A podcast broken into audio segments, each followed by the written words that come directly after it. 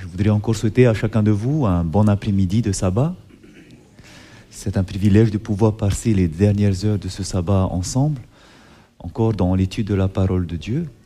Et comme je vous le disais ce matin, nous allons poursuivre avec euh, cette réforme que Dieu aimerait que nous engageons dans nos vies. L'évangile, ce n'est pas seulement la théorie, mais c'est surtout la pratique. Lorsque vous regardez la vie de Jésus, il a passé plus de temps à guérir que à enseigner. Il était plus à l'extérieur. Il avait ce temps, bien sûr, en communion avec Dieu, mais il y avait ce temps où il pratiquait. C'est un équilibre et c'est ce que nous allons voir aujourd'hui. Et donc c'est pour cela qu'il est bien d'entendre des serments, mais il faut aussi entendre cette partie pratique, comment le faire tous les jours. C'est ce que nous allons voir aujourd'hui. Avant de commencer, je voudrais renouveler l'invitation qui a été dite ce matin et hier concernant ce séminaire santé. En effet, comme vous le savez, ça sera bénéfique pour vous, pour ceux qui n'ont pas encore entamé cette réforme sanitaire, mais aussi ça sera l'occasion pour vous d'entrer dans la mission du Christ. Je m'explique. Nous savons que nous sommes appelés à proclamer le message des trois anges, n'est-ce pas? Et Dieu nous dit, au travers de l'esprit de prophétie, qu'il y a le bras droit de l'évangile. Quel est le bras droit de l'évangile? La santé. Eh bien, lorsque vous regardez dans le monde, Dieu permet que le monde aujourd'hui soit tellement souillé qu'il y a de multitudes de maladies autour de nous. Et sachez que Dieu a comme arme pas de faire des, des miracles de guérison instantanés. Ce n'est pas ça ce que Dieu a pour son peuple. Lorsque vous lisez l'esprit de prophétie, il est clair que dans l'Église, on ne va pas voir ce genre de miracle. Pourquoi? Parce qu'elle nous dit que Satan utilisera les mêmes moyens. Et c'est pour cela que Dieu ne nous a pas donné ce don d'aller faire des miracles comme on le voit un petit peu dans les mouvements charismatiques. Par contre, pour soulager la douleur qui se trouve autour de nous, Dieu nous a donné un moyen qui est la réforme sanitaire. Et comme vous le verrez pendant ces soirées, qu'au travers de ce moyen, Dieu fait des miracles. C'est un moyen que Dieu, donne pour que nous puissions ensuite semer par derrière. Lorsqu'on gagne la confiance de ces personnes, quand ils voient que nous sommes là pour les aider, alors les portes s'ouvrent. Et c'est pour cela que nous voulons vous inviter, non seulement vous à venir, parce que nous avons besoin de vivre cette réforme, pour préparer notre esprit, mais aussi de venir accompagner de quelqu'un. Venez accompagner d'un ami, parce qu'ils vous connaissent déjà. Venez accompagner peut-être d'un membre de votre famille qui ne fréquente pas l'Église. Dites-leur de venir. S'ils ont une maladie, que ce soit l'obésité, le diabète ou une maladie chronique, dites-leur de venir parce qu'ils verront que Dieu pourra faire des miracles aussi dans leur vie. Dieu va les aider. Il le fera. Et ça sera un moyen pour eux ensuite de recevoir les semences de l'Évangile puisque juste après sera enchaîné cinq soirées de conférences bibliques. Mais également, nous, nous vous préciserons, nous vous précisons que ça sera l'occasion de partager le message des trois anges et comment? Eh bien, lors de la dernière soirée du séminaire santé qui va s'achever le samedi soir, parce qu'après le dimanche soir d'après on part sur les conférences bibliques, le dernier soir sera remis à ceux qui le veulent une clé USB et dans cette clé USB, on leur dira ce qu'il y a dedans, on ne cachera pas. On leur dira qu'ils pourront revisionner tout ce qui a été dit, parce que ça a été déjà enregistré en studio en Polynésie. Et donc, ils auront le séminaire santé sur clé USB en vidéo. Ils auront également des recettes végétariennes pour qu'ils puissent mettre en pratique des menus également. Et aussi, ils auront le livre qui sera beaucoup cité, le livre Conseil sur la nutrition et les aliments. Et on leur dira qu'il y a un fichier également qui a été ajouté parce que pendant le séminaire santé, ils verront que la foi, c'est un anti-stress puissant. Parce qu'on sait que ce qui tue aujourd'hui les gens, un des gros facteurs, c'est le stress. Et on leur parlera légèrement de la foi, qu'il faut croire en un Dieu. On ne va pas dire davantage. Mais seulement on leur dira que dans cette clé, vous pourrez en apprendre davantage sur la foi. Et donc ils ouvriront un fichier intitulé La foi un remède pour le corps, et à l'intérieur, ils pourront voir trois séries d'études bibliques sur le message des trois anges. L'évangile, à partir de la base jusque dans les prophéties, et à la lecture, en tout cas de tous ces fichiers, l'évangile aura été semé. Ils sauront quoi faire et qu'est-ce qu'il faut faire pour cette fin des temps. Donc toutes ces personnes que vous aimez, invitez-les, dites-leur de venir, car vous pourrez semer au travers de cette clé USB ce message des trois anges. J'aimerais vous dire que vraiment, quand Dieu nous donne ce moyen, qui est le message de la santé, quand il dit que c'est le bras droit de l'Évangile, vraiment, ça ouvre des portes. Nous avons eu beaucoup d'expériences. Et d'ailleurs, juste avant que nous venions ici, mes dernières vacances étaient au mois de mai, nous avons fait un séminaire santé sur l'île de Tahaa, où nous avions invité toute la population à venir. Dieu est grand car il a fait beaucoup de miracles là-bas. Beaucoup de personnes ont été heureux d'assister à ça. Et c'est la première fois pour eux qu'ils entendaient choses, des choses pareilles. Et ils voyaient que vraiment on le faisait ça gratuitement, de notre propre temps. Et ils étaient heureux. Dans les îles, ce qui est difficile, c'est de semer l'évangile. Pourquoi? Parce que chacun a déjà sa religion. Et c'est très, très, très difficile. Très difficile. C'est très cloîtré. En plus, si quelqu'un va à un séminaire adventiste, c'est pire. C'est comme s'il trahissait la, religion. Donc, le moyen de la santé là-bas a ouvert beaucoup de portes, à tel point que, non seulement, bien sûr, on a eu des retours au bout d'un mois, des personnes qui ont perdu énormément de kilos, qui se sentent en forme, qui n'ont plus de douleurs articulaires alors qu'ils ont eu ça pendant des années. Non seulement Dieu les a guéris physiquement, mais en plus Dieu a ouvert des portes. En effet, il y a une personne qui a assisté pendant tout le séminaire. Et cette personne-là, c'est le leader de l'église protestante, on appelle ça, les, en Tahitien, on dit Teretetiano. C'est un groupement, c'est une église qui, voilà, qui s'est fondée sur euh, Taha. Et il est le leader de cette église. Il a, il a fondé cette église. Et eh ben, aujourd'hui, cette personne a tellement été touchée par la réforme sanitaire, parce qu'il l'a entendu, qu'il a joint un groupe d'études que nous faisons le jeudi soir pour venir en savoir plus sur ce qu'on enseignait. Et aujourd'hui, sa porte est grande ouverte et on a gardé tous les sabbats après-midi. Maintenant, nous allons chez lui parce qu'il veut connaître la vérité. Pour vous dire que la porte est grande ouverte, c'est le pasteur. C'est lui qui nourrit le troupeau là-bas. Et voilà que la porte est ouverte. imaginez tous ceux qui vont suivre par derrière. C'est pour vous dire que Dieu est en train d'ouvrir les portes. Simplement, nous avons juste à suivre les directives qu'il nous donne, avoir confiance en ce qu'il nous dit de faire. Et je sais que même ici en Calédonie, parce que l'Église a mis cela en prière, Dieu aussi va faire des miracles. Nous avons simplement à nous humilier et à nous remettre entre ses mains. Donc je renouvelle cette invitation d'apporter des personnes. Parce que Dieu veut les sauver et c'est l'occasion que Dieu leur donne aujourd'hui. Voilà, aujourd'hui, nous avons donc commencé à parler des réformes à faire, parce que Dieu veut que nous puissions avoir le caractère de Jésus. Pour cela, ça demande des sacrifices, et parmi cela, ça demande à, commencer à vaincre nos appétits. vous allez voir qu'il y a également d'autres choses pratiques à mettre en place que nous allons voir aujourd'hui. Je voudrais préciser également ne ratez pas sabbat prochain. Sabbat prochain, vous allez voir le reste des outils. Aujourd'hui, je vais vous en donner deux. La réforme sanitaire, ce que nous allons voir maintenant, mais également tout le reste qui est très important, ça sera sabbat prochain. Donc ne ratez pas ce sujet-là. Avant de commencer, j'aimerais que nous puissions lire ensemble de quel type de réforme il s'agit. C'est ce que nous indique l'esprit de prophétie dans Principe de foi chrétienne à la page 241. Lisons-le ensemble. Dans notre œuvre, une attention plus grande devrait être portée à la tempérance. La réforme portant sur la tempérance demande particulièrement notre attention notre soutien.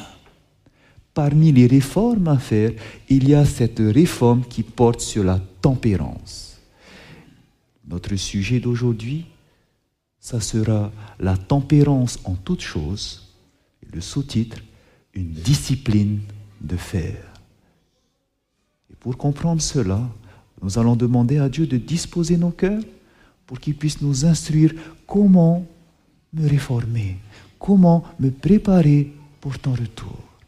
Alors j'aimerais demander de prier individuellement, comme nous l'avons fait ce matin, pour demander le Saint-Esprit et également, s'il vous plaît, priez pour moi. Merci.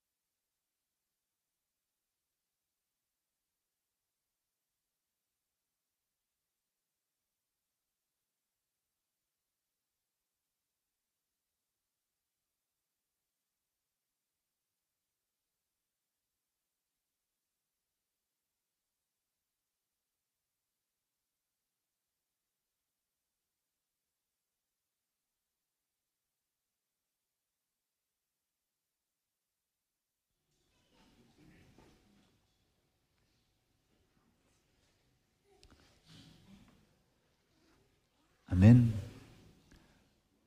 Si vous avez votre Bible, j'aimerais vous inviter à ouvrir la parole de Dieu dans Actes au chapitre 24 pour que nous puissions simplement prendre conscience que la tempérance est un sujet que même les apôtres ont parlé. En effet, lorsque nous prenons dans Actes au chapitre 24, ici on nous parle de Paul. Et lorsque nous regardons à partir du verset 24, voici ce que nous lisons. Acte 24, au verset 24, il est écrit, Quelques jours après, Félix vint avec Drusille, sa femme qui était juive, et il fit appeler Paul. Il l'entendit sur la foi en Christ. Mais comme Paul discourait sur la justice, sur la tempérance et sur le jugement à venir, Félix effrayé dire, pour le moment, retire-toi, quand j'en trouverai l'occasion, je te rappellerai. Dites-moi, de quoi est-ce que parlait Paul? La parole de Dieu nous dit qu'il parlait sur la justice, mais aussi sur la tempérance. Bien sûr, le jugement à venir. Vous voyez donc que la tempérance, c'est quelque chose dont nous devons aussi parler. Et l'esprit de prophétie nous dit que c'est une réforme que nous, que nous devons entamer. Qu'est-ce que c'est alors que la tempérance? Pour avoir une définition claire, eh ben, nous allons prendre celle que Dieu a donnée à sa servante. Quand vous lisez dans Patriarche et Prophète, elle nous dit ceci. La vraie tempérance consiste à s'abstenir de tout ce qui est nuisible à la santé, c'est-à-dire s'abstenir des drogues, tabac, alcool, tout ce qui nuit à notre santé. Mais pas seulement. On nous dit, la vraie tempérance consiste à s'abstenir de tout ce qui est nuisible à la santé et à user avec modération de ce qui lui est favorable. Autrement dit, non seulement je fais attention à ne pas mettre des choses mauvaises dans mon corps, mais quand je prends des choses qui sont bonnes pour mon corps, je vais user avec modération. Et ce principe, c'est ce qu'on trouve dans la parole de Dieu. La tempérance, c'est user des bonnes choses, mais avec modération. C'est ce sur quoi nous allons appuyer aujourd'hui. En fait, euh, pardon, selon la parole de Dieu, regardez que Dieu nous a déjà donné ces instructions. Si vous prenez par exemple dans le livre des Proverbes, dans le livre des Proverbes au chapitre 24,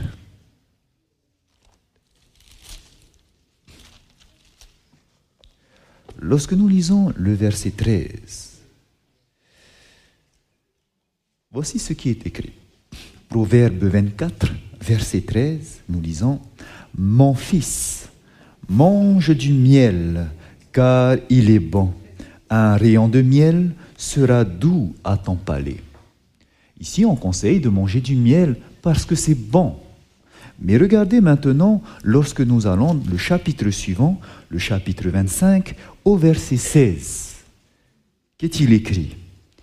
Si tu trouves du miel, n'en mange que ce qui te suffit, de peur que tu n'en sois rassasié et que tu ne le vomisses. Est-ce que le miel est bon? Oui, mais en prendre trop, est-ce que c'est bon? Non, c'est ce qu'on appelle la tempérance. Il faut être tempérant, pas trop manger ce qui est bon. Et c'est ce que nous voyons également dans Proverbe au chapitre 30. C'est un principe qui nous vient dans la parole de Dieu, la tempérance. Proverbe chapitre 30, regardons à partir du verset 7. Nous lisons, Je te demande deux choses, ne me les refuse pas avant que je meure. Premièrement, éloigne de moi la fausseté et la parole mensongère. Et deuxièmement, ne me donne ni pauvreté, ni richesse.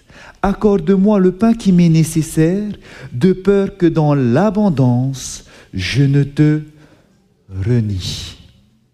Dieu nous dit, nous avons besoin que de seulement ce qui nous suffit, pas trop ni pas moins, c'est ce qu'il a demandé, parce que si j'ai trop, je vais te renier. Il le savait, Agur, fils de Jacques. Et donc, nous devrions aussi avoir en tête que Dieu aimerait que nous soyons modérés. En effet, quand on parle par exemple de la nourriture, eh ben, on sait que manger des crudités, manger végétarien, c'est bon pour la santé. Mais si on va en excès, qu'est-ce que Dieu nous dit? Prenez par exemple dans Ézéchiel chapitre 16. Ézéchiel chapitre 16. Nous allons prendre le verset 49.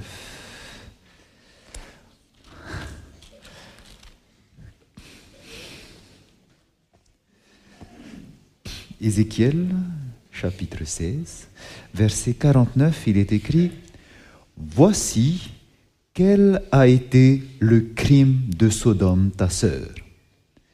Elle avait de l'orgueil. Elle vivait dans l'abondance et dans une insouciante sécurité, elle et ses filles, et elle ne soutenait pas la main du malheureux et de l'indigent. Lorsque vous regardez, on nous parle de l'orgueil qui était sans péché, pas seulement l'orgueil, mais elle vivait dans l'abondance. Et quand vous lisez le mot l'abondance, en hébreu, c'est sibak lekem, et dans certaines versions, ils ne traduisent pas abondance, mais c'est aussi l'abondance de pain. Comme par exemple dans la version d'Arbi, où on nous dit, voici, c'est ici l'iniquité de ta sœur Sodome, orgueil, abondance de pain et insouciant repos. L'abondance de pain, c'est quoi alors? C'est quand on mange trop, la gloutonnerie, l'excès dans le manger. Et l'excès dans le manger, c'est quoi par rapport à Sodome? C'était sans péché, c'était sans crime, sans iniquité. Frères et sœurs, Dieu nous dit d'être tempérant, parce que si juge les choses à l'excès, ça fait quoi devant Dieu? Ça équivaut à faire un péché. Et pour preuve, prenez dans Galates chapitre 5.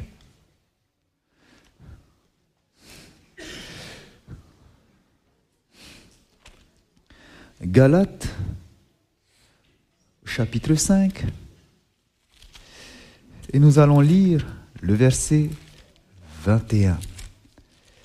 Il est écrit, à partir du verset 19, on nous parle, Or les œuvres de la chair sont manifestes. Ce sont quoi? Allons directement au verset 21, les meurtres, l'ivrognerie, les excès de table et les choses semblables.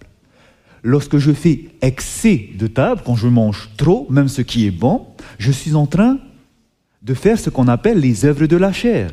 Et qu'est-ce qui se passe quand je fais cela? Lisons la suite. Je vous dis d'avance, comme je l'ai déjà dit, que ceux qui commettent de telles choses n'hériteront pas le royaume de Dieu. Pourquoi?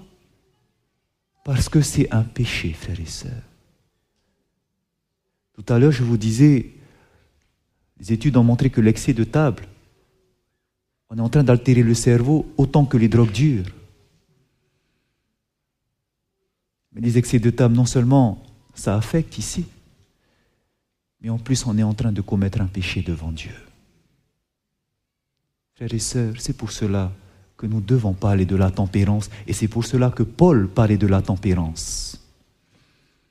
Nous avons besoin d'être tempérants. Faire attention à la quantité que nous mangeons, car aller trop, c'est un péché devant Dieu. Ce n'est pas facile de, pour la chair, parce que la chair est intempérante. Et c'est pour cela que nous avons besoin de la puissance en haut. La maîtrise de soi, ce n'est pas naturel, c'est un fruit de l'Esprit. Et si je suis en Christ, le Saint-Esprit m'aidera à être tempérant. N'oubliez jamais, de nous-mêmes, impossible. Si nous sommes intempérants, demandons à Dieu son aide et le Saint-Esprit nous aidera. Nous prenons conscience que c'est un péché, alors faisons attention.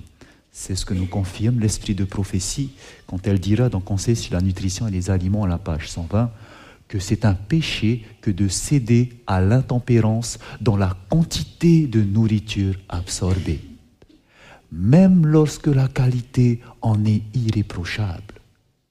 Beaucoup de gens s'imaginent que dès l'instant où ils renoncent à la viande et aux aliments lourds en général, ils peuvent absorber des aliments simples jusqu'à ce qu'ils n'en puissent plus. C'est une erreur parce que c'est un péché. Alors, nous allons voir que Dieu aimerait que nous soyons bien sûr tempérants dans le manger et dans le boire. Mais dans la pratique, ça ne s'arrête pas au manger et au boire. Regardons dans 1 Corinthiens, chapitre 9. 1 Corinthiens au chapitre 9. Et nous lisons le verset 25. 1 Corinthiens chapitre 9, verset 25, il est écrit que tous ceux qui combattent s'imposent toute espèce d'abstinence, et ils le font pour obtenir une couronne corruptible. Mais nous faisons-le pour une couronne incorruptible. Lorsque nous lisons en français, nous lisons tous ceux qui combattent s'imposent toute espèce d'abstinence. Mais lorsque vous lisez en anglais, dans la version King James, qui est une version très reconnue et surtout très fiable, lorsque vous lisez dans cette version, vous lirez ceci. And every man, c'est-à-dire tout homme, that striveth for the mastery, qui, qui pour la victoire, is temperate in all things, c'est-à-dire tout homme qui combat pour la couronne est tempérant en toutes chose. Nous qui combattons pour une couronne incorruptible, à combien plus forte raison, nous allons aussi être tempérants en toutes choses. Ça veut dire quoi être tempérant en toutes choses c'est que dans notre vie, nous avons différents domaines qui sont utiles, que nous avons besoin. Par exemple, nous avons le côté physique, faut faire attention à notre corps, le côté mental, à ce que nous apprenons, le côté spirituel, dans la, dans, dans la question de ma relation avec Dieu, dans le social, mes relations avec ceux qui m'entourent, le travail. j'ai besoin d'un travail, les finances, l'argent, la famille.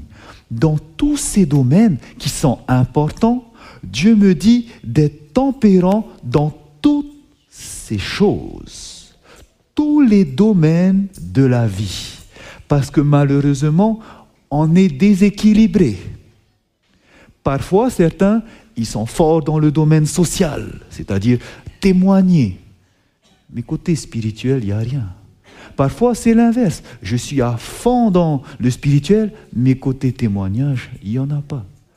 Certains, ils vont laisser leur famille pour le travail de Dieu, alors que c'est peut-être pas ce que Dieu demande. Dieu nous demande, nous allons voir, d'être tempérants dans tous les domaines de la vie. Et nous allons apprendre aujourd'hui pratiquement comment le faire à la fin. Pratiquement, je le dis bien. D'accord? Mais sachez-le, il faut être tempérant en toutes choses. Voici que Dieu veut des chrétiens équilibrés. Pour que les gens, quand ils vous regardent, ils voient, waouh, c'est un modèle. Ils veulent faire pareil. Nous devons être la tête, n'est-ce pas? Dans la queue. Et c'est pour ça que Dieu nous donne tous ces conseils pour que nous puissions être des citoyens modèles pour le monde.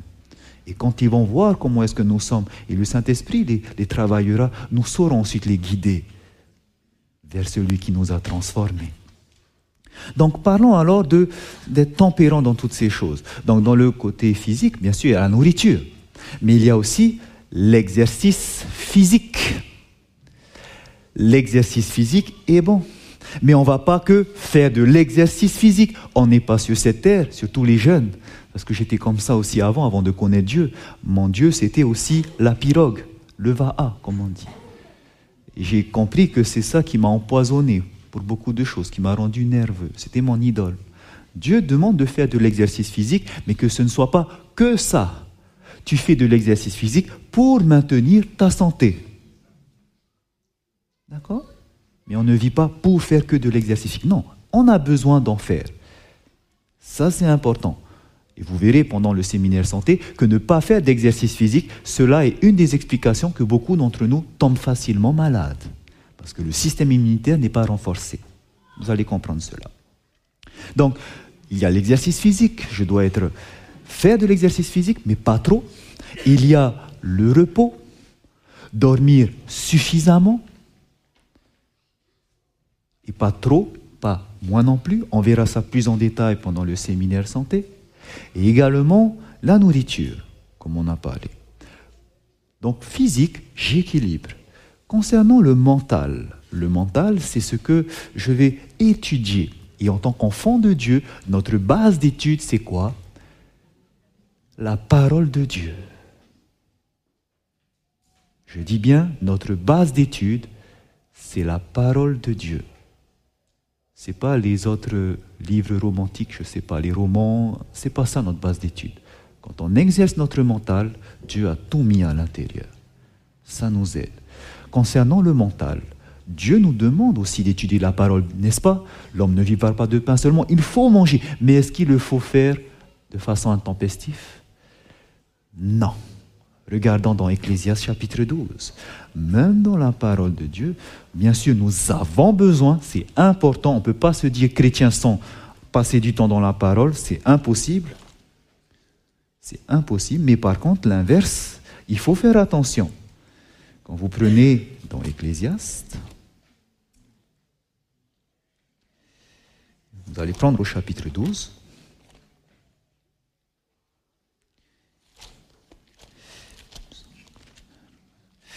Ecclésiaste 12, nous allons lire le verset 12.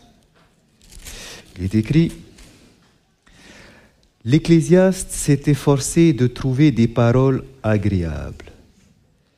Excusez-moi.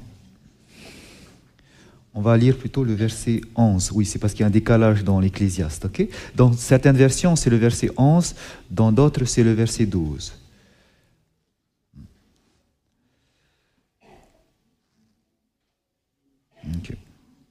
Pardon. Euh, oui, c'est un décalage de deux versets, excusez-moi. Pour certains, c'est le verset 12, pour d'autres, c'est le verset 14.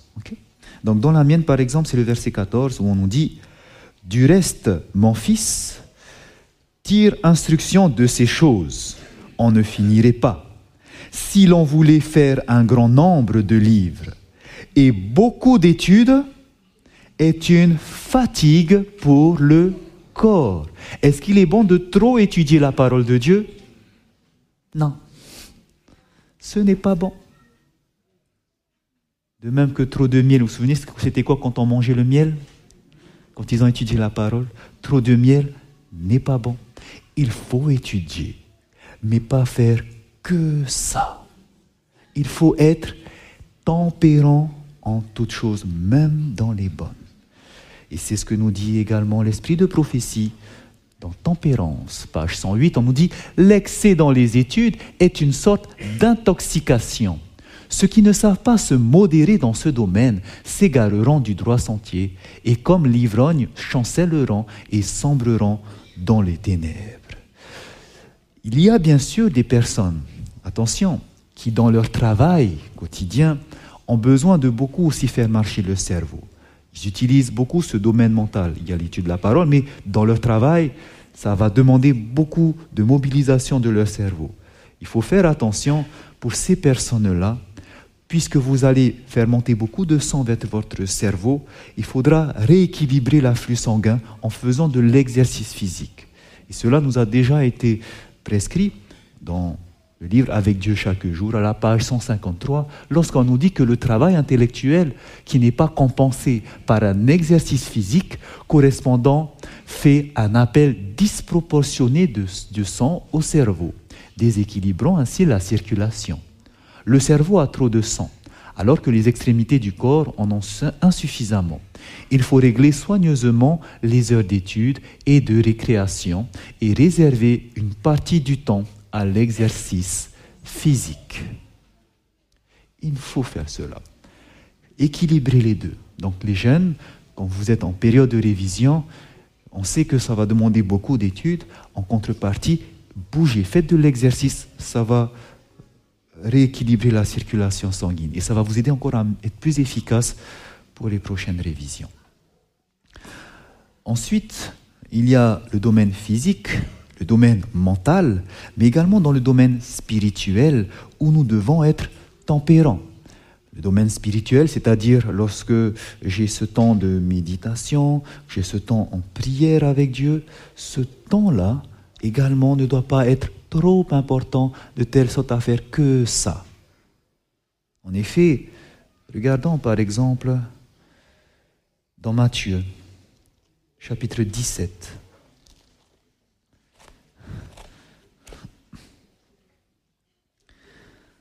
Surtout pour euh, les chrétiens, souvent on est un petit peu comme ça, où on aime passer du temps, beaucoup de temps, dans cette méditation, en extase avec Dieu, comme on dit. Mais dans Matthieu chapitre 17, lisons à partir du verset 1. On nous dit, six jours après, Jésus prit avec lui Jacques et Jean, son frère, et il les conduisit à l'écart sur une haute montagne. Il fut transfiguré devant eux, son visage resplendit comme le soleil et ses vêtements devinrent blancs comme la lumière. Et voici, Moïse et Élie leur apparurent, s'entretenant avec lui. Pierre, prenant la parole, dit à Jésus, Seigneur, il est bon que nous soyons ici. Est-ce que Pierre était en admiration, était dans l'extase quand il a vu Élie, Jésus transfiguré, Moïse arriver? Bien sûr, c'est super. Et qu'est-ce qu'il va dire? Il est bon que nous soyons ici. Si tu le veux, je dresserai ici trois tentes, une pour toi, une pour Moïse et une pour Élie. C'est-à-dire qu'il était tellement bien qu'il voulait que ça dure et qu'on va faire une tente pour qu'il reste ici et qu'on passe beaucoup de temps ensemble. Et vous allez voir que quand vous prenez l'esprit de prophétie, elle va éclairer ce passage en disant que nous sommes comme ça aussi.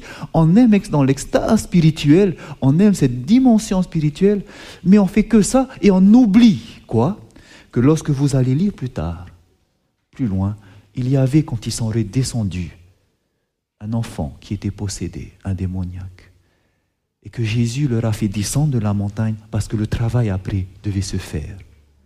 Dieu veut que nous équilibrons ce côté spirituel et le côté pratique. C'est ce qu'elle nous disait dans le livre Jésus-Christ 426. Elle nous dit, les serviteurs du Christ ne sont pas appelés à passer uniquement leur vie dans l'extase spirituelle avec Jésus. sur le sommet de la montagne. Une œuvre est à faire en bas. Des âmes esclaves de Satan attendent la parole de foi et de prière qui les rendra à la liberté. Donc il y a ce moment de communion avec Dieu, mais pas que ça. Il faut aussi maintenant aller travailler. Parce que certains se disent, non mais moi, j'ai ce, ministère où je vais faire que prier pour ceux qui vont aller. Je prie pour eux et, moi je, ne travaille pas pour Dieu, je n'utilise pas mes talents à son service, je vais faire que prier. Frères et sœurs, ce n'est pas une bonne chose. De même que faire l'œuvre de Dieu, il faut être tempérant, de même prier, si c'est en ministère, ne fait pas que ça. L'esprit de prophétie nous dit ceci, que celui qui se contente de prier, cela sera bientôt de le faire, ou ses prières finiront par n'être plus que de vaines redites.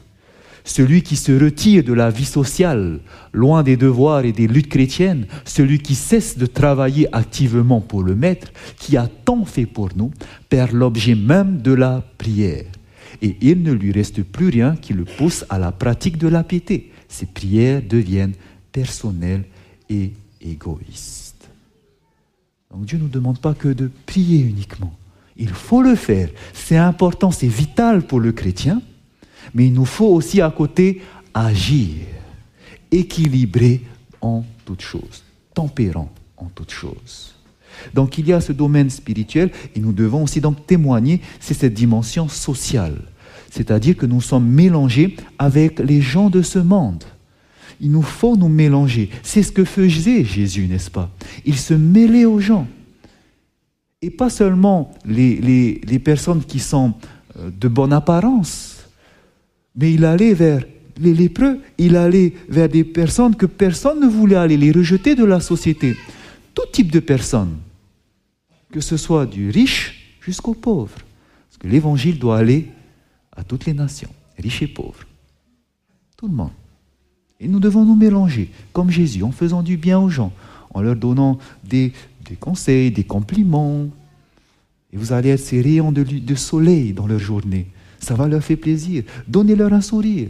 Complimentez-les sur, sur ce qu'ils ont fait. Vous allez voir que beaucoup vont, vont. Vous serez, quand vous n'êtes pas là, ils vont dire Mais ça fait bizarre quand il n'est pas là. Et c'est vrai. Vous serez le rayon de soleil. Donc, témoignez. Ayez, voilà, soyez avec tout le monde. Jésus a dit que vous êtes quoi? La lumière du monde. Est-ce qu'on allume une lampe pour la mettre sous le boisseau?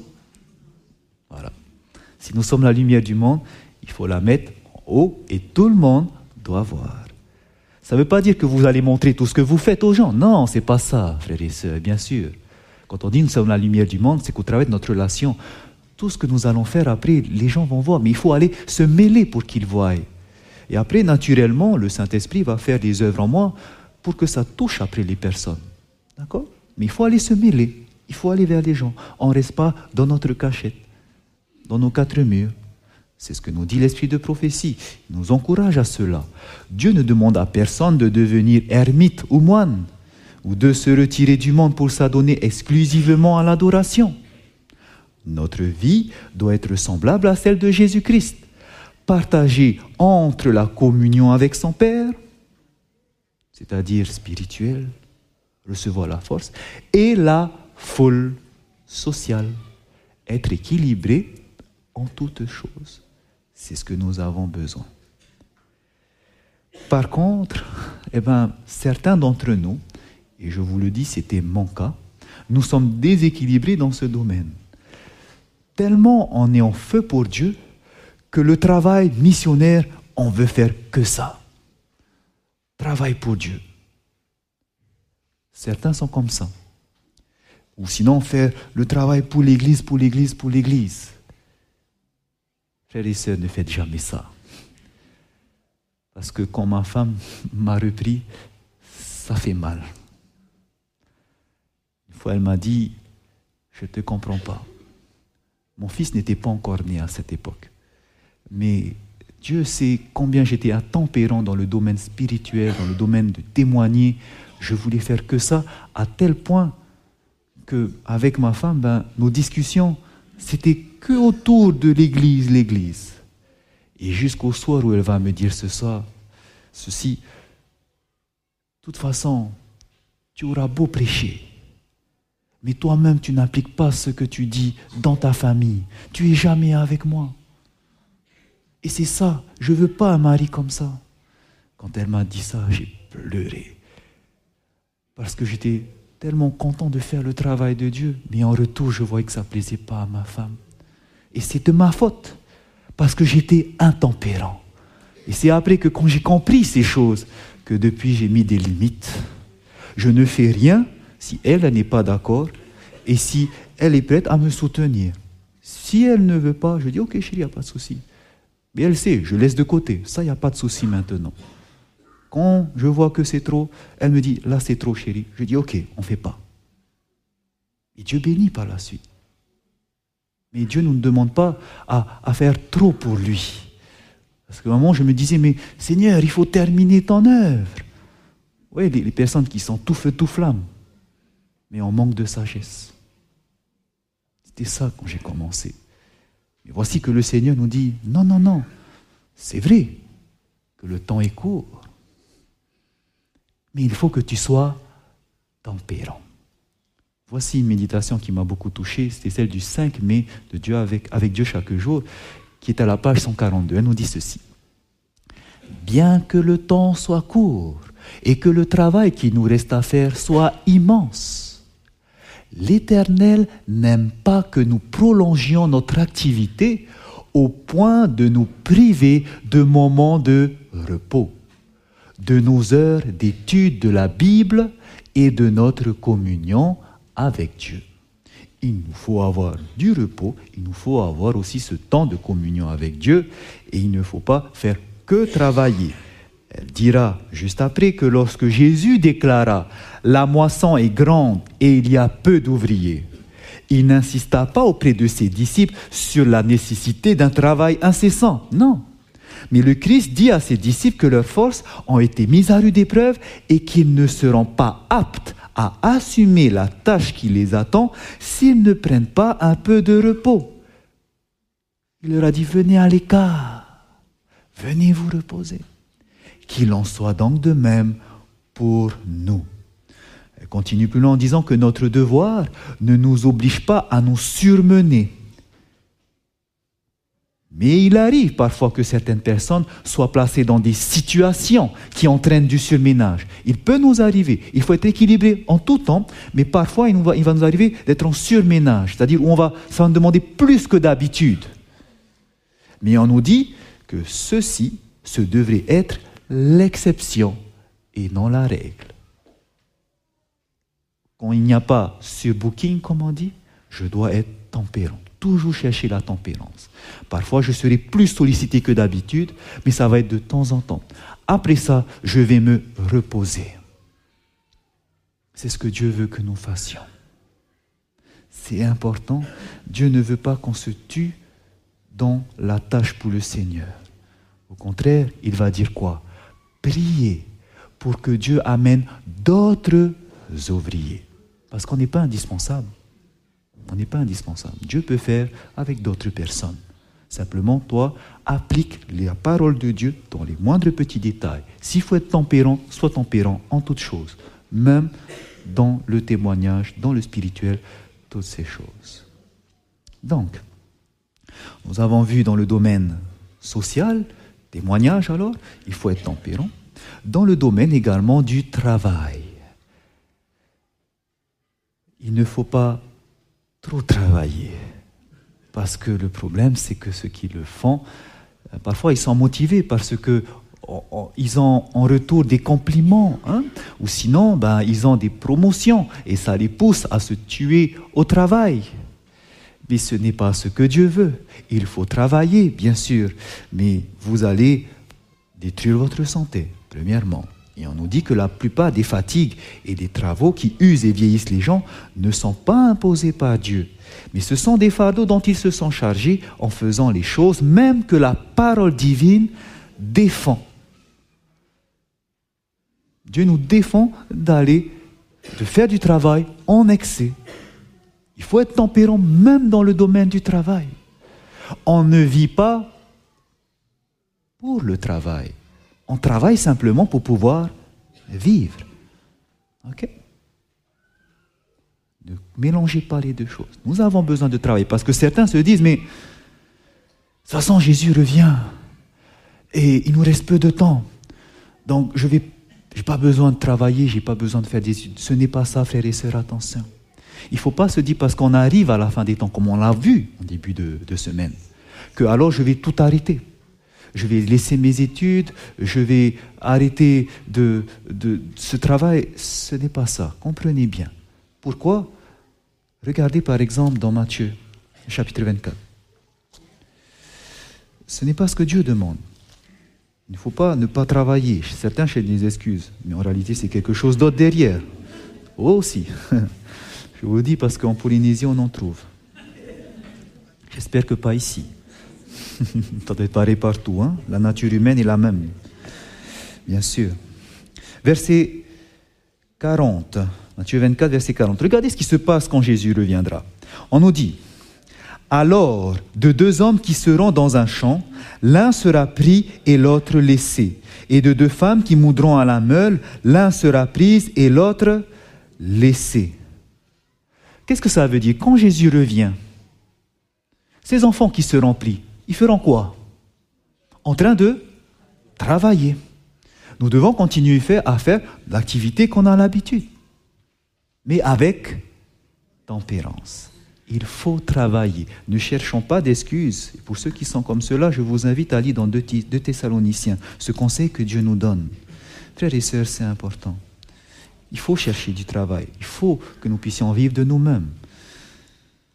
2 Thessaloniciens, chapitre 3, le verset 10. 2 Thessaloniciens chapitre 3 verset 10, il est écrit, car lorsque nous étions chez vous, nous vous disions expressément, si quelqu'un ne veut pas travailler, qu'il ne mange pas non plus. Voilà. Donc est-ce qu'il faut travailler? Oui, parce qu'on a besoin de manger, mais ne pas travailler en excès, le faire avec tempérance, car il faut être tempérant en toutes choses. D'accord? Pour le travail aussi. Également dans le domaine des finances. Parce que le problème, c'est que ça, c'est une autre motivation pour ceux qui travaillent, c'est l'argent. Et Jésus a dit, nul ne peut servir de mettre à la foi. On ne peut pas. Si l'argent c'est ton problème, laisse ça de côté. Ne va pas dedans. Sois tempérant. Tu as besoin de travailler, mais que ce ne soit pas ton Dieu et ta première motivation. Car à quoi ça va te servir de gagner le monde si un jour tu perds ton âme? Ne soyons pas en excès dans ces choses-là. On dit dans le livre Tempérance qu'une des causes les plus fréquentes de la déchéance humaine, c'est l'amour de l'argent, le désir immodéré des richesses. C'est ce que font les grands de ce monde. Ils accumulent et beaucoup, à l'inverse, eh ben, ils se retrouvent sans rien. Les richesses sont accumulées. 90% des biens de ce monde sont accumulés avec 10% de la population. Les autres, ils n'ont rien. Ne fais pas partie de ces personnes-là. On a besoin d'avoir de l'argent et si tu en as beaucoup, donne-le pour l'œuvre. Dieu a mis un système extraordinaire pour que nous puissions pas avoir ces mots-là. cette maladie de l'argent, c'est le système de la dîme. Nous avons étudié cela, n'est-ce pas? La dîme, en réalité, Dieu n'a pas besoin de la dîme. Vous savez pourquoi? Que nous dit AG 2, verset 8 Tout l'argent et tout l'or m'appartiennent, dit le Seigneur. Il a tout. Et pourquoi il te redemande ce dixième? C'est parce que Dieu ne veut pas que l'argent soit ton ton idole. C'est un système pour que tu ne t'attaches pas à ça et que tu te rendes compte que si tu as ça, c'est grâce à celui qui pourvoit tes besoins. Que si tu as encore cette force de travailler, c'est parce que Dieu te donne la force. S'il t'enlevait aujourd'hui le souffle de vie, tout s'écroulerait. Donc n'oublie pas que tu as un créateur et que tu lui dois allégeance et pas au travail ni à ton patron. C'est à Dieu que tu dois allégeance. N'oublions jamais cela. Donc c'est pour cela que soyons tempérants même dans le domaine de l'argent. Si nous en avons beaucoup, eh bien sachez que l'œuvre est là. Investissez dedans. Nous avons besoin d'argent pour diffuser l'évangile. Donnez. Et il vous sera donné en retour. Donc soyons équilibrés dans le domaine de la finance, mais aussi dans le domaine de la famille. La famille, frères et sœurs, est très très important. Aujourd'hui, c'est une des choses qui brise les églises. Et c'est pour ça que je loue le Seigneur qu'en Polynésie française, nous avons fait de la famille un ordre de mission. Famille et santé. C'est l'ordre de mission en Polynésie française. Parce que la base de l'Église, nous savons que c'est la famille. Et que pour avoir aussi des membres efficaces pour le Seigneur, il faut qu'ils soient en bonne santé. La famille, frères et sœurs, est importante. Et combien de familles sont négligées aujourd'hui? On fait des enfants, et au moment où on, a, où, on rentre à la maison, eh ben, ils ont passé toute la journée à l'école et maintenant on les emmène à la maison, on les met devant la télé, on les met devant les tablettes. Et qui fait leur instruction? Ce n'est pas les parents. Je peux vous dire, c'est l'ennemi. Si vous allez plus loin et que vous regardez comment le système éducatif est fait, tout est fait pour les éloigner de Dieu. Je vous le dis parce que je suis à l'intérieur. Je sais de quoi je parle. Et c'est pour cela que j'invite les parents, ceux qui le peuvent, ceux qui ont les moyens d'éduquer vos propres enfants. C'est comme ça que Dieu nous a invités de le faire. Les enfants n'allaient pas à l'école, c'était les parents et la mère qui faisaient l'éducation des enfants. C'est ce que Dieu nous invite à faire. Si vous le pouvez, faites-le. Mais Dieu nous demande de passer du temps avec nos enfants, de jouer avec eux, d'avoir des moments de qualité, parce qu'ils ont besoin de vous. Si vous ne faites pas ça, eh ben, pour eux, les parents, ben, ils ne s'occupent pas de nous et ils préfèrent avoir du moment de qualité avec leurs copains. Leurs copains qui sont de mauvaises influences pour eux. Et ne vous étonnez pas qu'un jour, on ne le retrouve pas quand on vient à l'église, quand ils grandissent. Ne vous étonnez pas. Nous sommes nous-mêmes la cause de nos maux la plupart du temps. Dieu nous invite à passer du temps avec nos familles. Je remercie le Seigneur de m'avoir fait comprendre ça. C'est important. En effet, regardez ce que nous dit l'Esprit de, la parole de Dieu dans 1 Timothée. 1 Timothée chapitre 5, le verset 8. Il est écrit, si quelqu'un n'a pas soin des siens, et principalement de ceux de sa famille, Qu'en est-il de lui? On nous dit, il a renié la foi. Et il est pire qu'un infidèle. Waouh! Autrement dit, vous pouvez travailler à 100% pour le Seigneur, passer du temps dans les comités, passer du temps à évangéliser. Mais si vous ne savez pas prendre soin de vos enfants, si vous n'avez pas du temps avec eux, eh ben, tu es pire qu'un infidèle. Tes enfants ont besoin de toi. Il faut passer du temps avec tes enfants. C'est ta première église. Tu ne peux pas aller prendre soin d'une église ou aider à l'édification de l'église si toi-même, dans ton propre foyer, dans ta propre église, tu n'édifies pas. Tout commence par le foyer. Tout commence par le foyer. Et c'est ce que nous conseille l'esprit de prophétie. On nous dit, s'il néglige son foyer pour les soucis du dehors, le prédicateur n'a aucune excuse. Le bien-être spirituel de sa famille passe avant tout. Au jour du règlement des comptes, Dieu lui demandera ce qu'il a fait pour amener au Christ ce qu'il a lui-même procréé. Les plus grands bienfaits apportés aux autres ne peuvent le dispenser aux yeux de Dieu du soin qu'il doit à ses enfants. La priorité, c'est notre famille, après les autres. C'est pour cela que, comme je vous disais, je remercie le Seigneur d'avoir mis une femme extraordinaire à mes côtés. Ça m'équilibre énormément dans le ministère. Heureusement qu'elle est auprès de moi pour me rappeler, des fois j'en fais trop. Et je suis toujours à côté d'elle de dire Est-ce que c'est bon, chérie Je peux y aller? Elle me dit Oui, vas-y. Est-ce que c'est bon? Elle me dit Non, non, vaut mieux pas. Par exemple, dernièrement, il y avait une opportunité pour moi de, de, partir une deuxième fois en métropole pour pouvoir évangéliser. Mais dans ce cadre-là, c'était lors du. Vous avez dû entendre parler de, cette, de ce projet à Paris, en France, qui était Espérance 2019, où le TMI, vous avez entendu parler? Tout membre impliqué, implication totale du membre, voilà.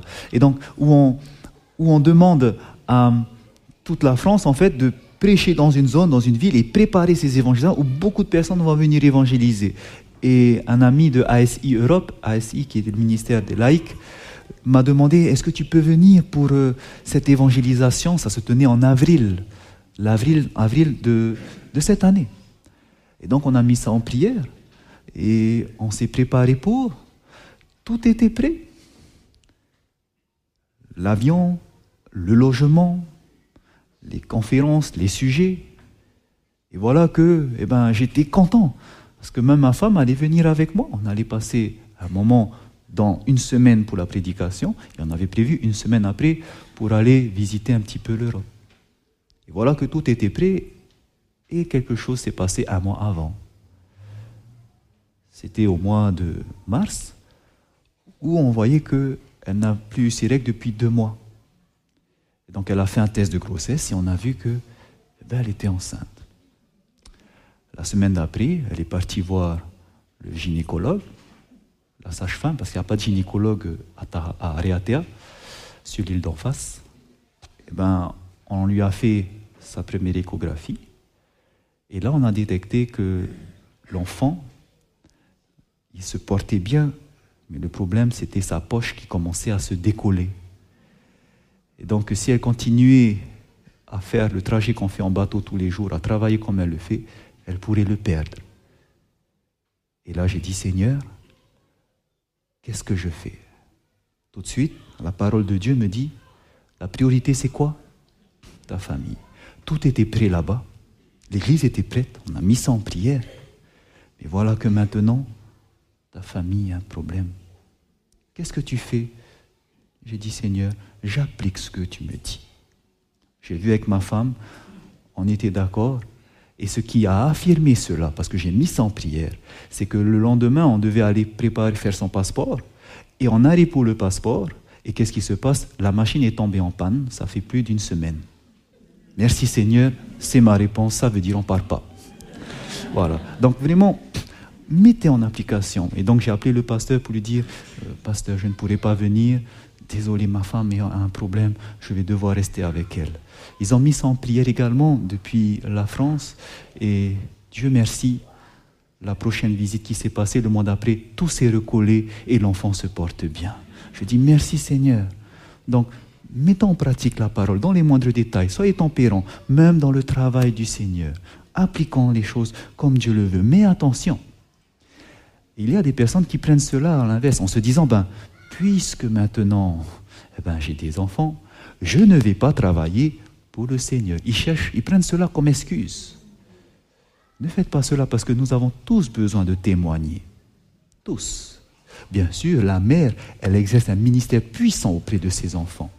C'est la prédicatrice au foyer, c'est elle qui va former des caractères. Et ces personnes pourront être en bénédiction pour le monde. Donc c'est important, la femme qui à la maison. Mais cela n'est pas une excuse pour dire je ne vais pas travailler pour le Seigneur. Non, non, non.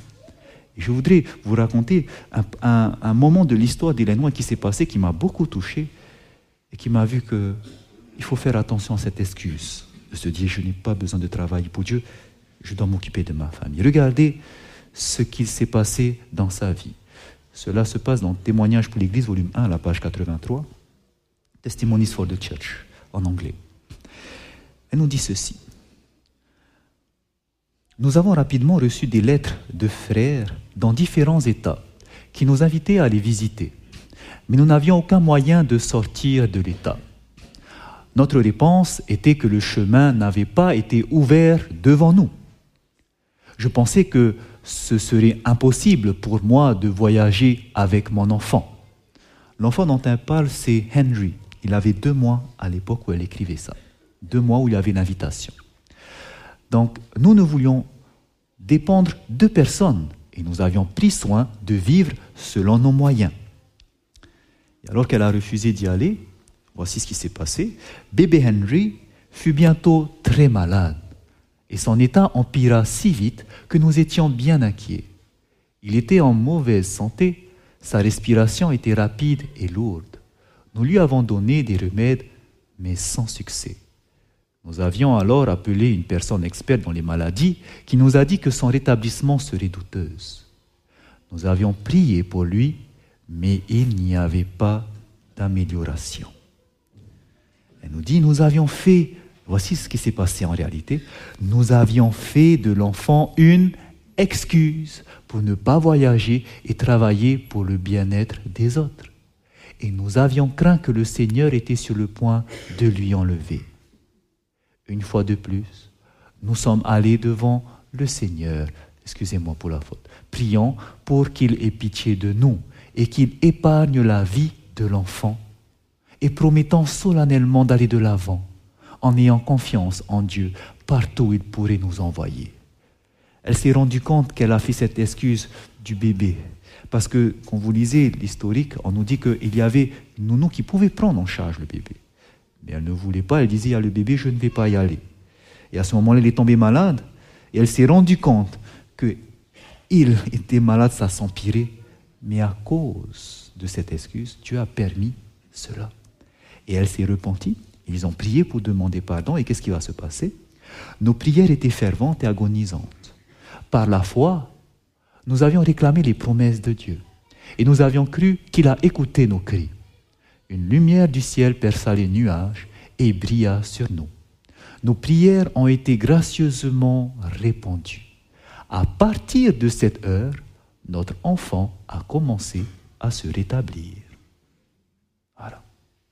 Donc, une expérience qu'elle a vécue pour nous dire, ne prenez pas nos enfants comme excuse.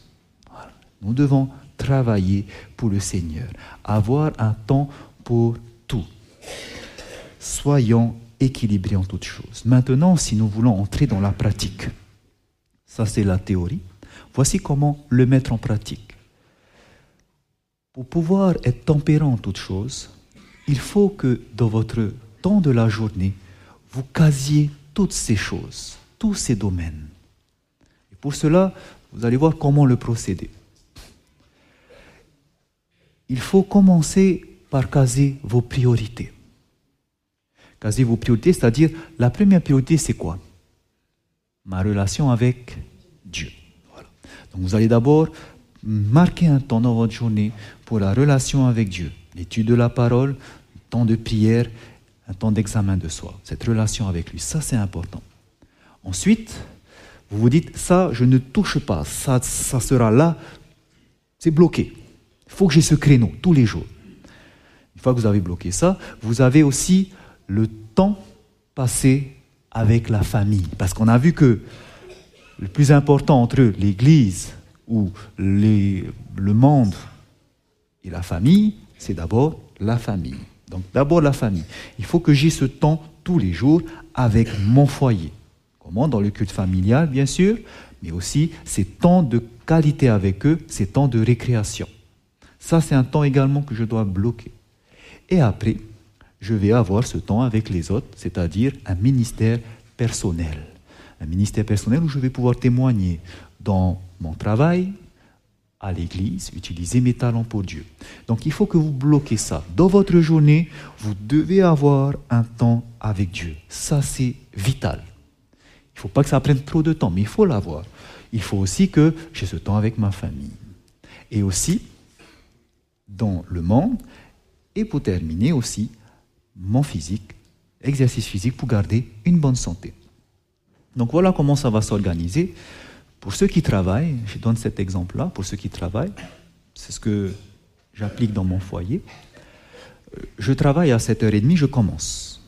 Donc si 7h30 je commence, ça, on va dire, c'est ma contrainte. J'ai cette contrainte et après je vais caser tous les autres domaines. Donc 7h30, mon travail commence. Je sais que je mets par exemple 30 minutes pour aller au travail, au moment où je quitte la maison. Donc je prévois avant de quitter mon travail, de faire mon culte familial. Donc ça, c'est une obligation. Je, vais le faire.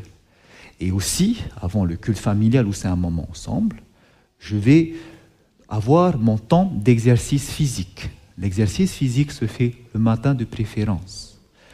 On le fait le matin, je peux le faire en famille. Si, s'ils sont assez grands, ils peuvent se lever tôt, le faire en famille. L'exercice physique, 20 minutes suffiront, vous allez voir pourquoi pendant la semaine. J'ai aussi par contre ce temps avec Dieu. Le temps avec Dieu, c'est une nécessité. Pour certains, c'est 30 minutes. Moi, je l'applique une heure. Il faut une heure avec mon Dieu tous les jours. Je ne peux pas. Voilà, c'est imposé. Et donc, à partir de là, je vais régler alors à quelle heure je me lève. D'accord? Le lever, mon réveil, se règle en fonction de ces priorités-là. Donc si je remonte, le temps de préparer les enfants, le temps de faire le culte, le temps de prendre euh, la route pour le travail, je règle alors mon réveil plus le temps de méditation et de préparation. Cela va me faire un lever à 4 heures. Pour certains, ils n'ont pas l'habitude. C'est normal, vous voyez ça. Mais oui, ça va chambouler. C'est une réforme qu'on doit faire, n'est-ce pas? Oui. Mais regardez, si on se lève tôt, il nous faut être tempérant également dans le sommeil, ce qui veut dire qu'il faut dormir suffisamment. Et en moyenne, une personne a besoin de dormir entre 7 heures et 9 heures. Ça dépend des personnes. Pour moi, par exemple, c'est 8 heures. Donc, si j'ai besoin de 8 heures, je sais que si je dois me lever à 4 heures, cela me fait coucher à quelle heure? 20 heures. Au plus tard. Donc, je sais que 20 heures au plus tard, je suis au lit. D'accord? Et vous allez voir que quand vous casez comme ça, vous n'avez plus le temps après à faire n'importe quoi. Vous avez du temps qu'il y a pour vos loisirs peut-être? Et d'ailleurs, quand on est à la fin des temps, on sait que tout doit être utilisé. Faire attention, il faut des loisirs, mais pas que ça, il faut.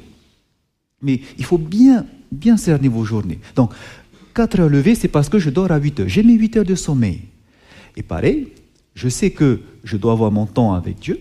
Et aussi, avant de dormir, c'est important que chacun de vous, vous puissiez faire ce qu'on appelle un examen de soi. C'est quoi un examen de soi? C'est avant de m'endormir, j'examine ma journée. Vous savez, quand vous lisez la parole de Dieu le matin, qu'est-ce que vous voulez faire? Vous voulez mettre en pratique?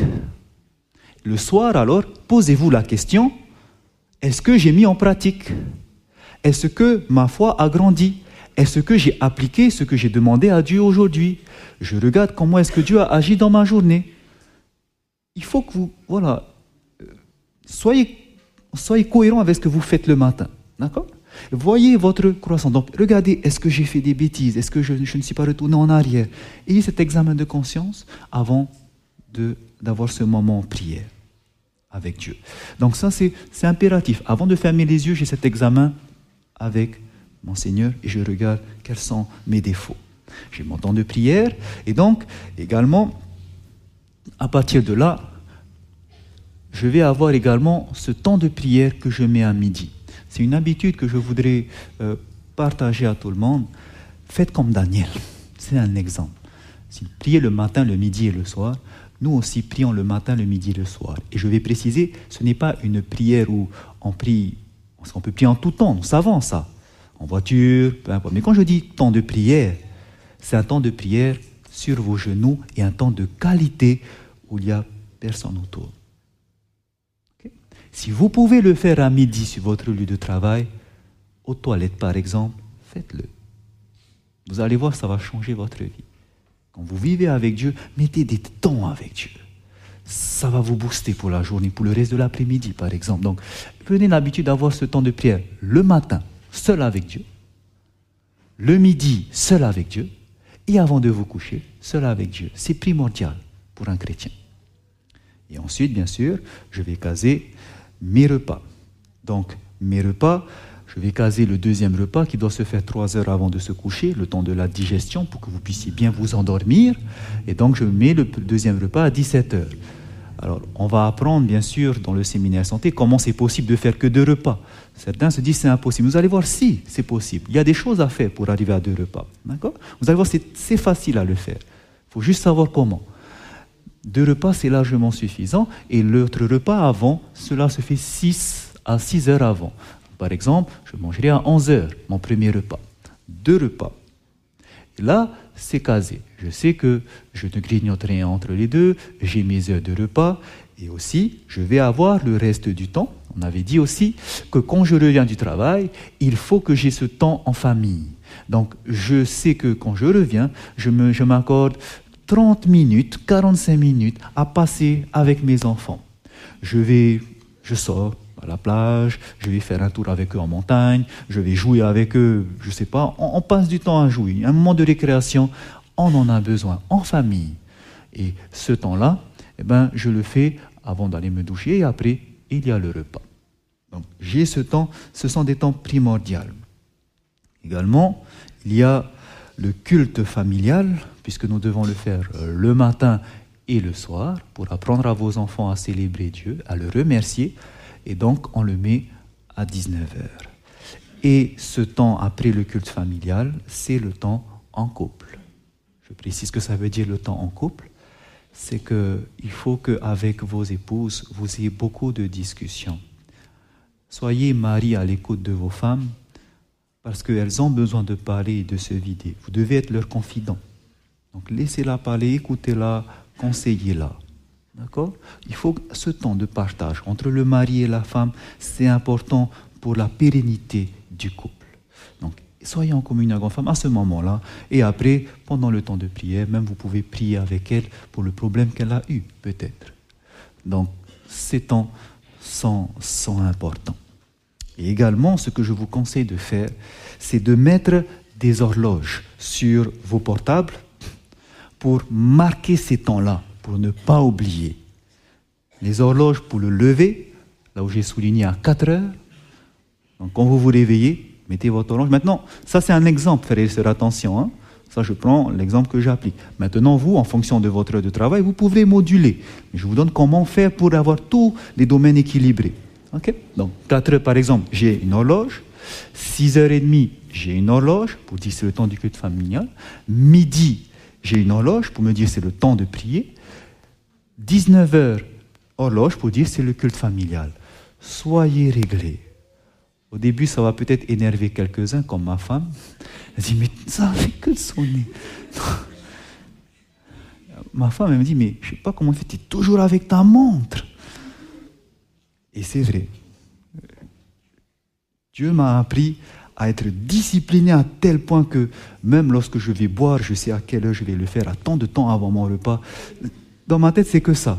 Je fixe mes temps. Je sais de là à là, je fais ça. De là à là, je fais ça. De là à là, je fais ça. Pourquoi? C'est le seul moyen pour pouvoir tout caser et tempérant toutes choses. Parce que je sais que quand je fais cela, Dieu à l'inverse va faire quoi? Il va bénir mes efforts. Frères et sœurs, c'est ce qu'il a fait. Aujourd'hui, je peux vous dire, cette année, j'ai eu l'année la plus chargée de ma vie. Je vais le dire pourquoi? Professionnellement.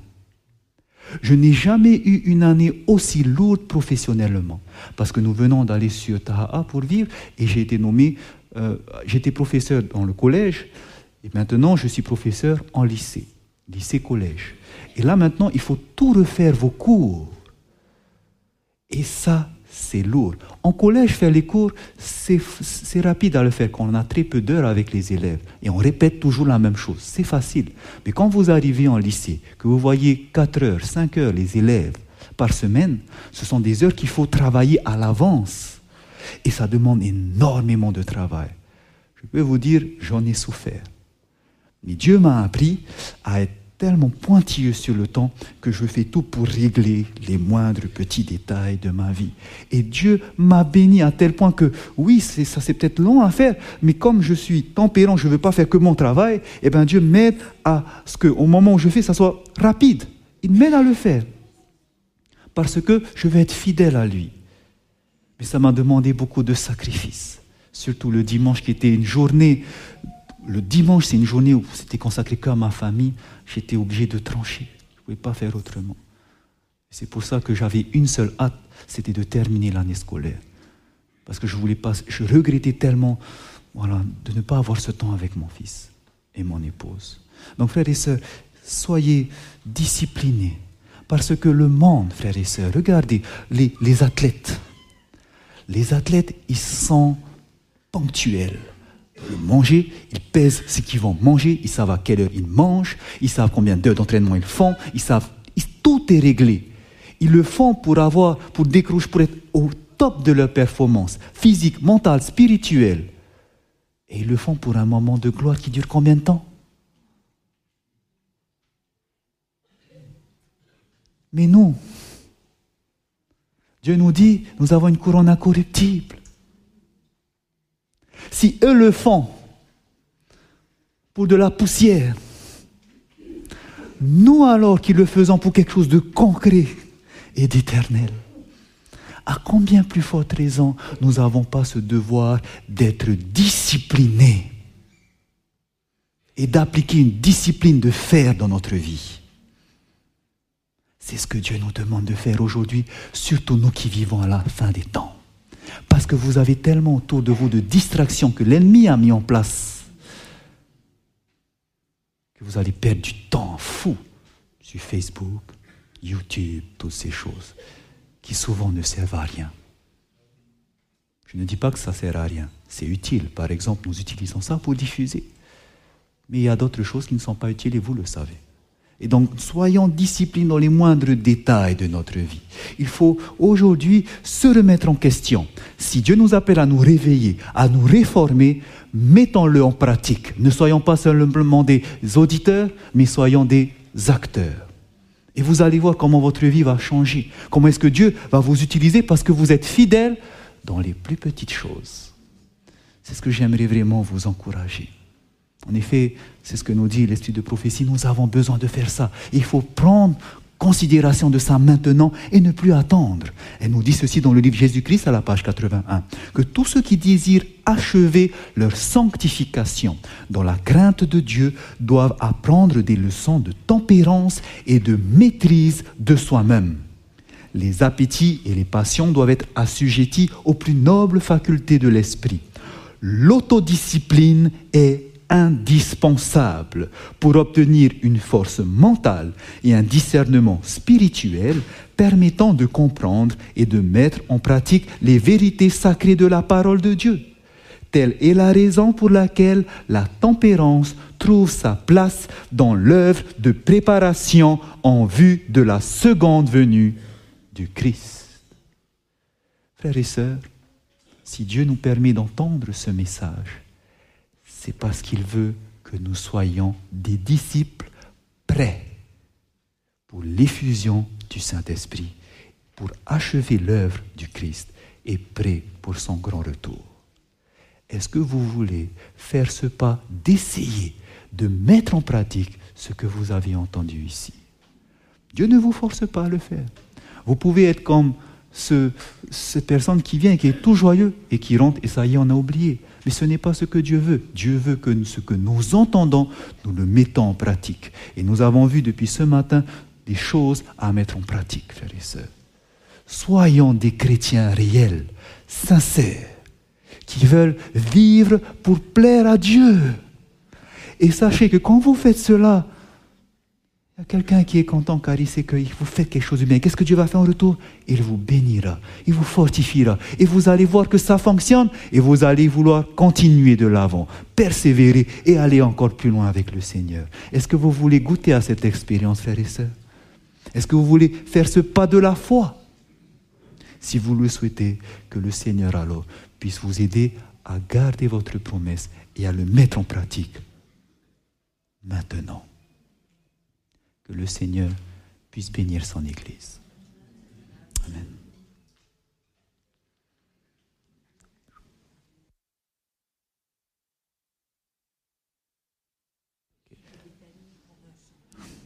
Est-ce qu'on pourrait avoir, s'il vous plaît, des papilles de Béthanie? C'était tellement beau leur chant hier avec mon beau-père, on voulait enregistrer. On a enregistré une petite partie et on s'est dit en rentrant, il faut qu'on montre ça à nos membres d'église, tellement c'était beau. Est-ce qu'ils sont là? Est-ce que c'est possible de les avoir? Les papilles de Béthanie? Ah, merci. C'est bon? Ok, merci mes frères. Et nous allons terminer après par la prière.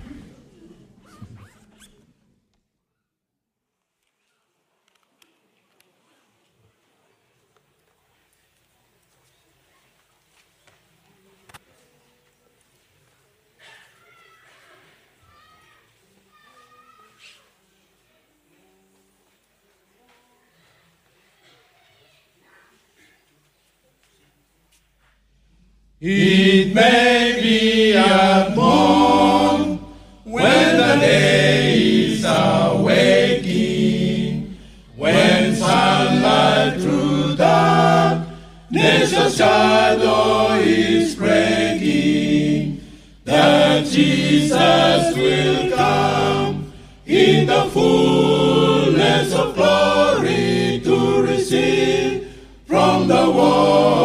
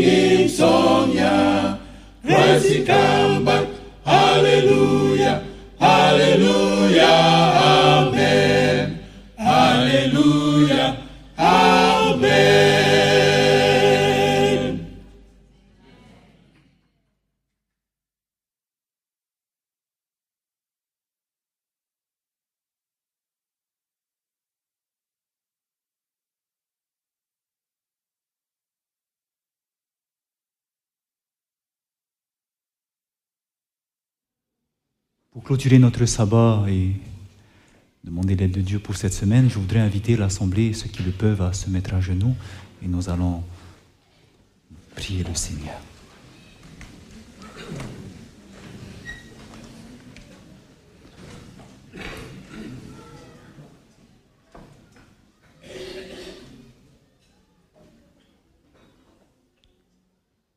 Éternel notre Dieu, tu es le roi des rois. Tu es notre Seigneur. Combien nous voulons te louer de ce que tu nous as bénis tout au long de cette semaine. De ce qu'en ce sabbat, tu nous as encore instruits. Merci car tu ne nous as pas laissés dans l'ignorance. Tu nous invites à entamer des réformes dans nos vies. Car tu aimerais que tes enfants soient cette lumière pour le monde. Ô Seigneur, comme tu le sais, beaucoup d'entre nous n'avons pas agi comme il le fallait. Nous avons été négligents dans certains domaines. Nous avons agi dans l'excès dans d'autres domaines. Et cela ne te plaît pas, Seigneur. Pardonne-nous, car on ne se rend pas compte que peut-être au travers de cela, nous avons dû blesser nos époux, nos épouses, nos enfants ou nos parents. Alors nous voulons te demander de nous rétablir, Père. Alors que nous comprenons ce qu'il faut faire, aide-nous à rectifier le tir. Aide-nous à marcher sur tes voies. Conduis-nous sur tes sentiers. Donne-nous ce cœur obéissant. Remplis-nous de ton Esprit Saint. Crée en nous le vouloir et le faire. Et que nous puissions vivre pour te plaire. Merci de bénir nos efforts. Merci de réveiller, de nous réformer. Nous en avons besoin, Seigneur. Que ton Esprit Saint Fais cela en nous, s'il te plaît. Nous voulons nous remettre entre tes mains pour cette nouvelle semaine. Aide-nous que lorsque nous repartirons dans cette semaine à inviter encore ceux qui nous entourent.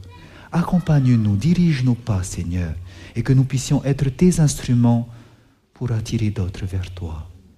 Merci de nous bénir tout au long de cette nouvelle semaine qui s'ouvre et que tes anges soient à nos côtés, car tu es le Dieu de notre espérance, tu es pour toujours le Dieu de notre salut. À toi soit la gloire, la majesté et la magnificence.